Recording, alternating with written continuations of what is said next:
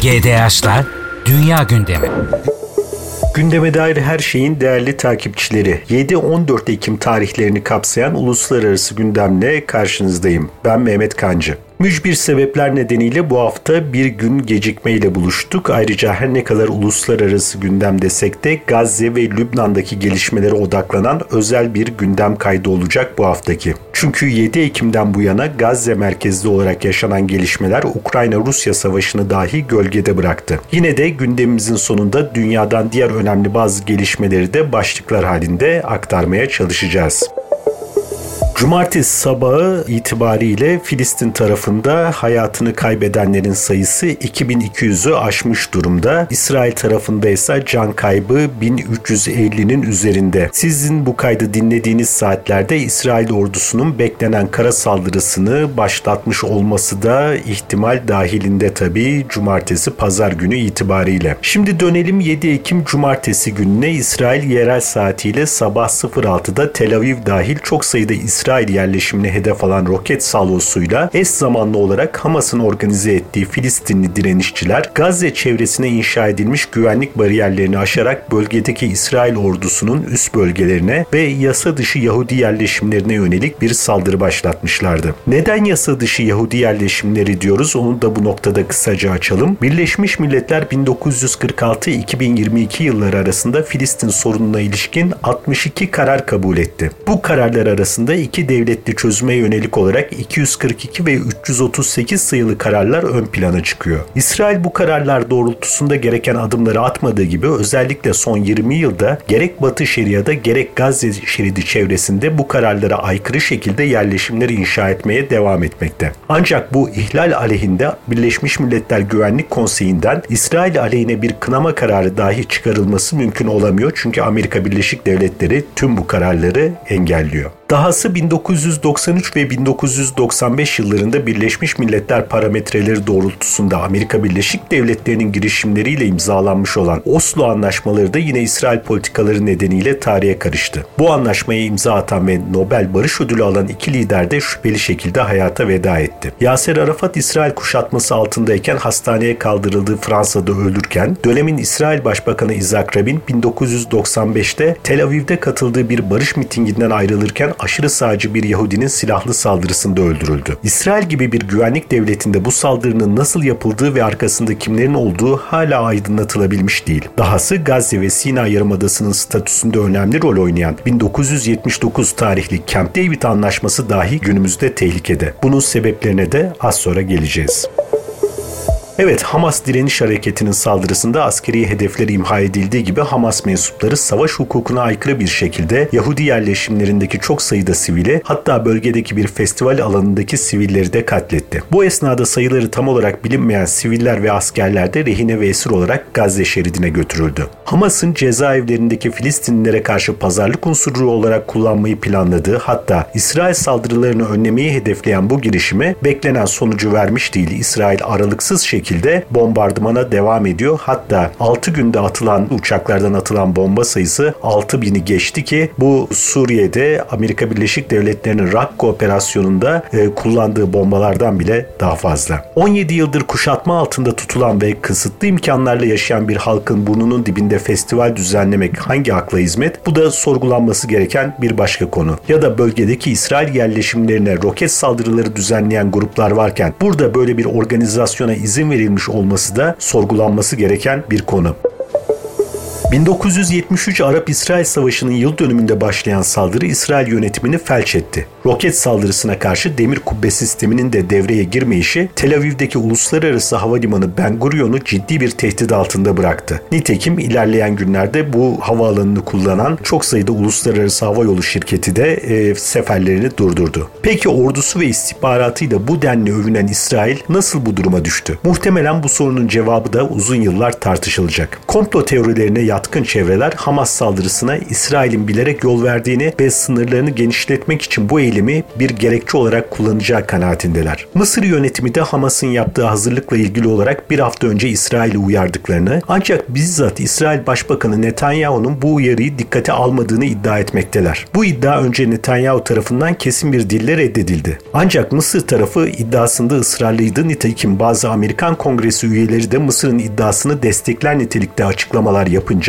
Netanyahu'nun kurmayları hikayelerini değiştirmek zorunda kaldılar. Şimdi yeni hikayeye göre evet Mısır bilgi vermişti ve İsrail İç İstihbarat Servisi Şimbet bu bilgiyi ilgili makamlara iletmişti. Ancak Başbakan Netanyahu bu kişiler arasında değildi. Mısır'ın Şimbet'e iletmiş olduğu bu bilgi ancak saldırı sabah 06.29'da Netanyahu ile paylaşılmış ve yine kurmaylarının iddiasına göre İsrail Başbakanı bu andan itibaren hızla harekete geçmişti. Hares gazetesinin yine bu istihbarat zafiyetiyle ilgili verdiği bir diğer bilgi ise henüz bir hafta önce yani saldırıdan bir hafta önce İsrail hükümeti ve istihbarat servislerinin bir durum değerlendirmesi yaptıkları ve neticede Hamas'ın İsrail'le geniş çaplı bir çatışmaya girmeye niyetli olmadığı kanaatinin elde edilmiş olduğu yönünde. Hikayeler demişken yine üzerine yıllarca konuşulacak bir konu daha var. İsrail hükümeti Gazze'ye yönelik kara, kara harekatı için kamuoyu desteği yaratmaya çalışırken Hamas mensuplarının başlarını keserek öldürdüğü bebekler olduğu bilgisini paylaşmaya başladı. Hatta bu bilgi Amerika Birleşik Devletleri Başkanı Biden tarafından da dile getirildi. Ancak hemen akabinde Beyaz Saray sözcüsü bu bilgiyi doğrulayamadıklarını itiraf etti. Perşembe günü İsrail'i ziyaret eden Amerika Birleşik Devletleri Dışişleri Bakanı Blinken de basın toplantısıyla konuyla ilgili soruyu geçiştirmek zorunda kaldı. Bununla da kalmadı. CNN International televizyonu muhabiri Sarah Sidner, Kfar Azza kibutsunda yani Yahudi yerleşiminde başları kesilmiş bebek naaşları bulunduğuna dair haberlere yer verdikleri için 12 Ekim'de sosyal medya mesajıyla kamuoyundan özür dilemek zorunda kaldı. Çünkü bu bilgiyi doğrulayacak bir kaynaklarının olmadığını ifade etti.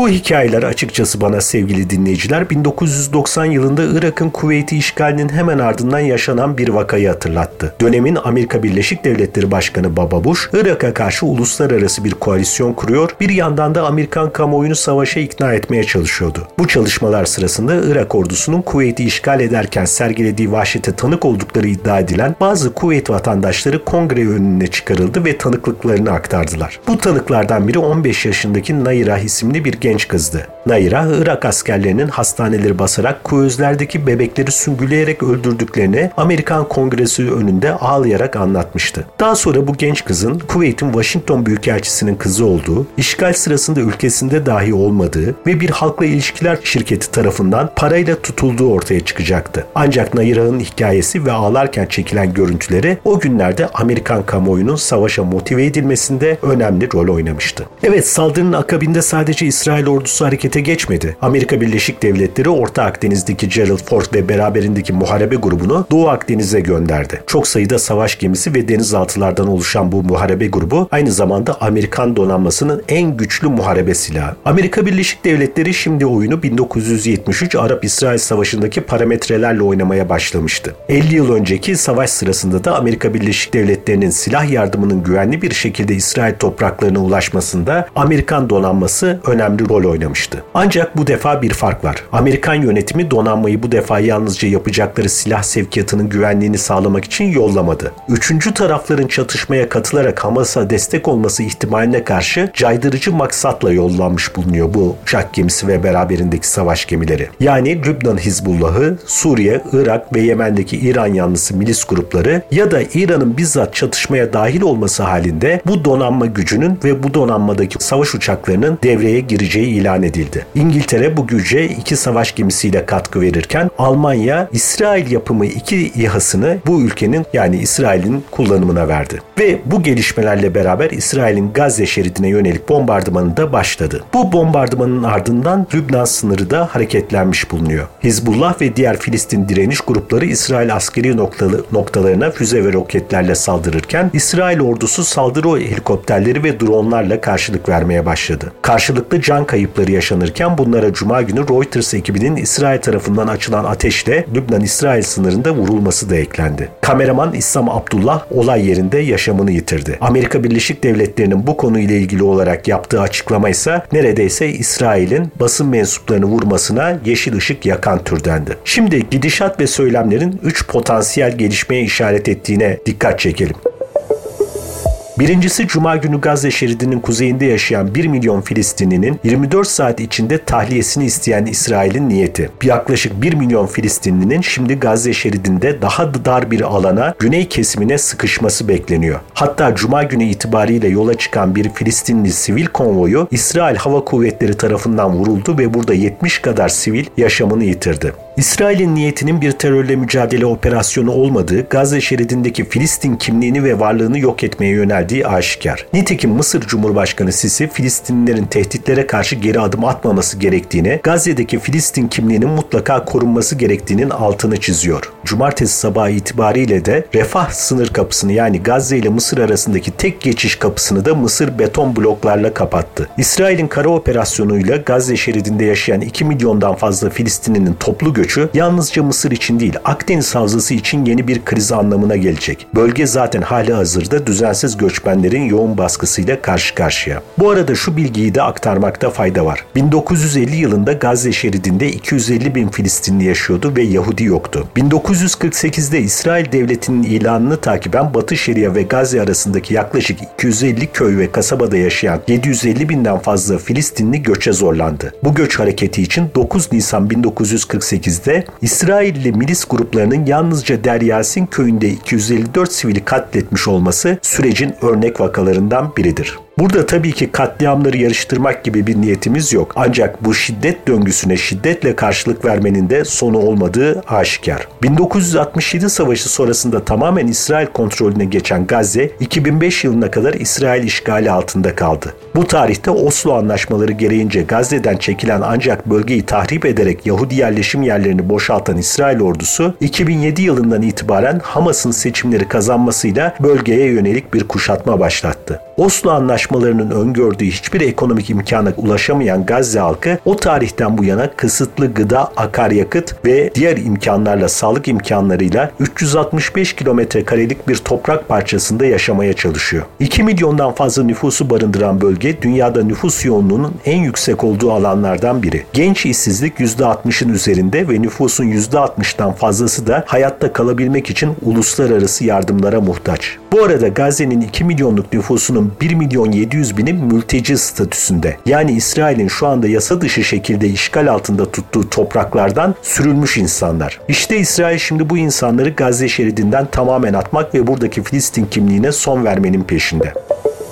Gazze şeridinin kıta sahanlığı yani denizdeki haklarına dair not da aktarayım. Gazze kıyıları Doğu Akdeniz'de zengin doğal gaz yatakları barındırıyor. Filistin Devlet Başkanı Yasir Arafat Oslo anlaşmaları yapıldığında bu gaz yataklarına güvenerek Filistin Devleti'nin Orta Doğu'nun Singapur'u olacağını dile getirmişti. Sadece bu unsur dahi İsrail'in son saldırısının hedeflerini aydınlatır nitelikte. Doğu Akdeniz'de dengeleri bozacak bu gelişme Mısır'la Türkiye'nin yakınlaşmasına da vesile oldu. Dışişleri Bakanı Hakan Fidan gelişmeleri değerlendirmek üzere Mısır'a gitti ve cumartesi günü hem Kahire'de bulunan Almanya Dışişleri Bakanı ile görüştü hem de Mısır Cumhurbaşkanı Sisi tarafından kabul edildi. Türkiye Gazze'deki Filistinliler için yardım operasyonunun yürütüleceği El Arish havaalanına bir askeri nakliye uçağı gönderdi.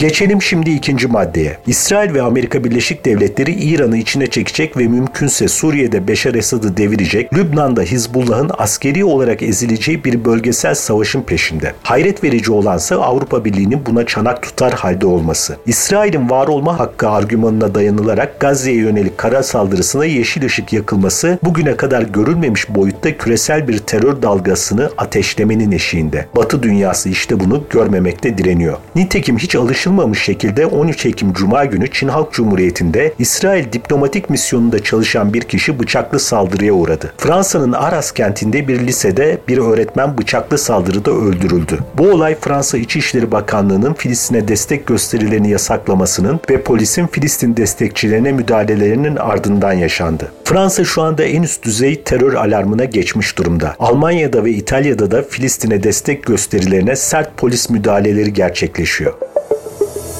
Tarihten iki hatırlatma yapalım. 1982 yılında yine İsrail'in Filistin Kurtuluş Örgütü'nü yok etme bahanesiyle Lübnan'ı işgal etmesinin ardından Amerika Birleşik Devletleri ve Fransa Lübnan'a asker çıkarmışlardı. Önce 18 Nisan 1983'te Beyrut'taki Amerikan Büyükelçiliği bombalı araçla intihar saldırısına hedef oldu. Saldırıda ölen 63 kişiden 17'si Amerikan vatandaşıydı ve bunların 8'i Amerikan Merkezi Haber Alma Teşkilatı CIA'nin çalışanlarıydı. CIA tarihindeki bilinen en büyük kaybını bu saldırıda verdi. Ardından 23 Ekim 1983'te ki bu olayın da 40. yıl dönümüne bir hafta kaldı, Beyrut'taki Amerikan ve Fransız askerlerinin kışlalarına bomba yüklü kamyonlarla aynı saatlerde dakikalarda ayrı ayrı saldırılar düzenlendi. 241 Amerikan ve 58 Fransız askeri bu saldırılarda öldü ve her iki ülke Beyrut'taki askerlerini tahliye etmek zorunda kaldı. Daha da önemlisi ise bu saldırılar vesilesiyle dünya İslami Cihat ve Hizbullah örgütlerinin terör eylemleriyle ve kendileriyle tanışmış oldu.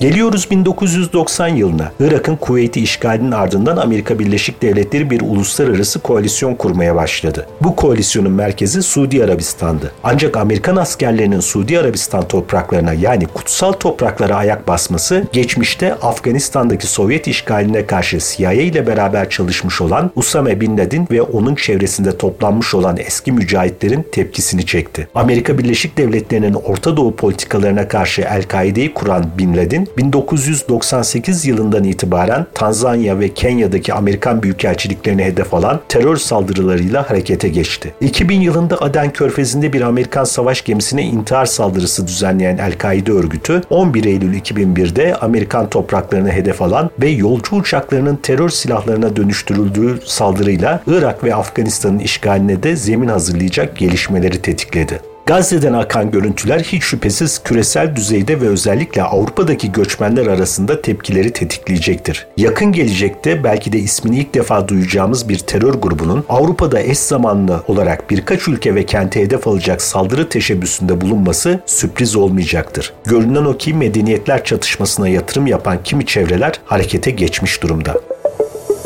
Gelelim İsrail'in körüklediği şiddetin olası üçüncü hedefine. Cuma günü gelen bir habere göre Amerikan Kongresi'nden 50 civarında üye Başkan Joe Biden'a Türkiye, İran ve Katar hakkında mektup göndermeye hazırlanıyorlar. Mektupta bu üç ülkenin Hamas'ı desteklediği ve Biden'dan bu ülkelere karşı adım atması talep edilecek. Sadece bu üç ülkenin değil, Suudi Arabistan ve Mısır'ın da listede olduğunu söyleyebiliriz. Peki neden? İran haricindeki tüm ülkelerin ortak özelliği Orta Doğu ve Körfez bölgesinde Amerika Birleşik Devletleri'nin Türkiye'nin 2. Dünya Savaşı sonrasında başlayan hegemonyasına son verecek ve kendi ulusal politikalarını uygulayacak girişimlerini arttırmaları. Görünen o ki Amerika Birleşik Devletleri İsrail'e verdiği destek ve bölgede yaptığı yığınakla bölgede kendisi aleyhinde girişimlerde bulunan ülkeleri de diplomatik ve siyasi olarak geriletmeyi hedefliyor. Hatta tam bu olaylar yaşanırken Amerikan Başkanı Biden'ın Suriye'deki Amerikan askerlerinin görev süresini bir yıl daha uzatan kararını da bu çerçevede değerlendirmek gerekir. Ancak Amerika Birleşik Devletleri ve İsrail'in 1970'lerin paradigmasıyla yürüttüğü süreç, 2. Dünya Savaşı sonrasında İsrail için dünya kamuoyunda oluşan sempatinin son kırıntılarını da silip süpürmekte. İsrail pek yakın bir gelecekte lobileri aracılığıyla Avrupa ve Amerika Birleşik Devletleri'nin de nüfuz alanına dahil ettiği siyasetçilerle bile etki yaratmakta zorlanacak. Cuma günü Gazze'nin kuzeyinden kaçan bir konvoyun vurulması ve burada 70'ten fazla Filistin'in öldürülmesi de ne İsrail'in ne de Avrupa ve Amerika Birleşik Devletleri'nin faydasına olmayacak bir gelişme ve görüntüleri ortaya koydu. İsrail bugün hem sivillerin operasyon bölgesini terk etmek istiyor hem de yola çıkan sivilleri vuruyor. Dahası Gazze'nin kuzeyindeki yaralılarla dolu hastanelerin dahi boşaltılması isteniyor. Bu izahı olmayacak savaş suçları zinciri, zincirinin sadece bir halkası. Evet geçen hafta Gazze ve çevresinde yaşananlarla Filistin sorununun kısa bir özetini sizlere sunmaya çalıştık. Diğer önemli gelişmelerden de kısa başlıklar verelim sona doğru gelirken.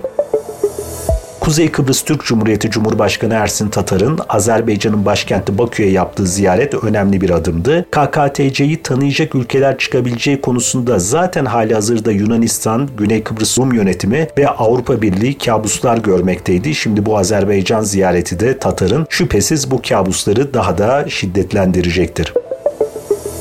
Yine geçen haftanın bir başka dikkat çekici gelişmesi Rusya Devlet Başkanı Putin'in Kırgızistan'a yaptığı ziyaretti. Putin Uluslararası Ceza Mahkemesi'nin aleyhinde aldığı tutuklama kararının ardından ilk kez ülkesinden çıkmış oldu. Uluslararası Ceza Mahkemesi bu kararı Ukrayna-Rusya savaşının başlamasının ardından Ukraynalı çocukların zorla Rusya'ya götürülmesi üzerine almıştı. Putin'i bu operasyondan sorumlu tutmuştu.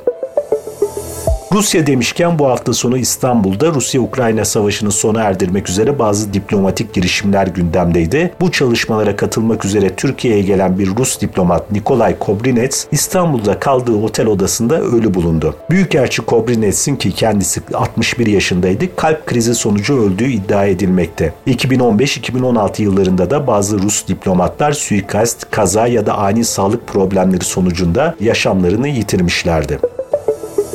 Ve son olarak yine 7 Ekim günü Afganistan'ın batısında 6,3 büyüklüğünde bir deprem meydana gelmişti. Bu deprem en az 20 köyün haritadan silinmesine yol açmıştı. İşte o depremde hayatını kaybedenlerin sayısı 4000'i aştı ve burada ölenlerin yarıdan fazlasını kadınlar ve çocuklar oluşturuyor. Türkiye dahil uluslararası toplum Afgan halkının karşı karşıya kaldığı bu yeni acının telafisi için depremden etkilenen bölgelere yardım ulaştırmaya çalışıyorlar. Böylece bu haftada gündeme dair her şeyde haftalık gündemin sonuna geldik. Haftaya buluşmak dileğiyle şimdilik hoşçakalın. GDH'lar Dünya Gündemi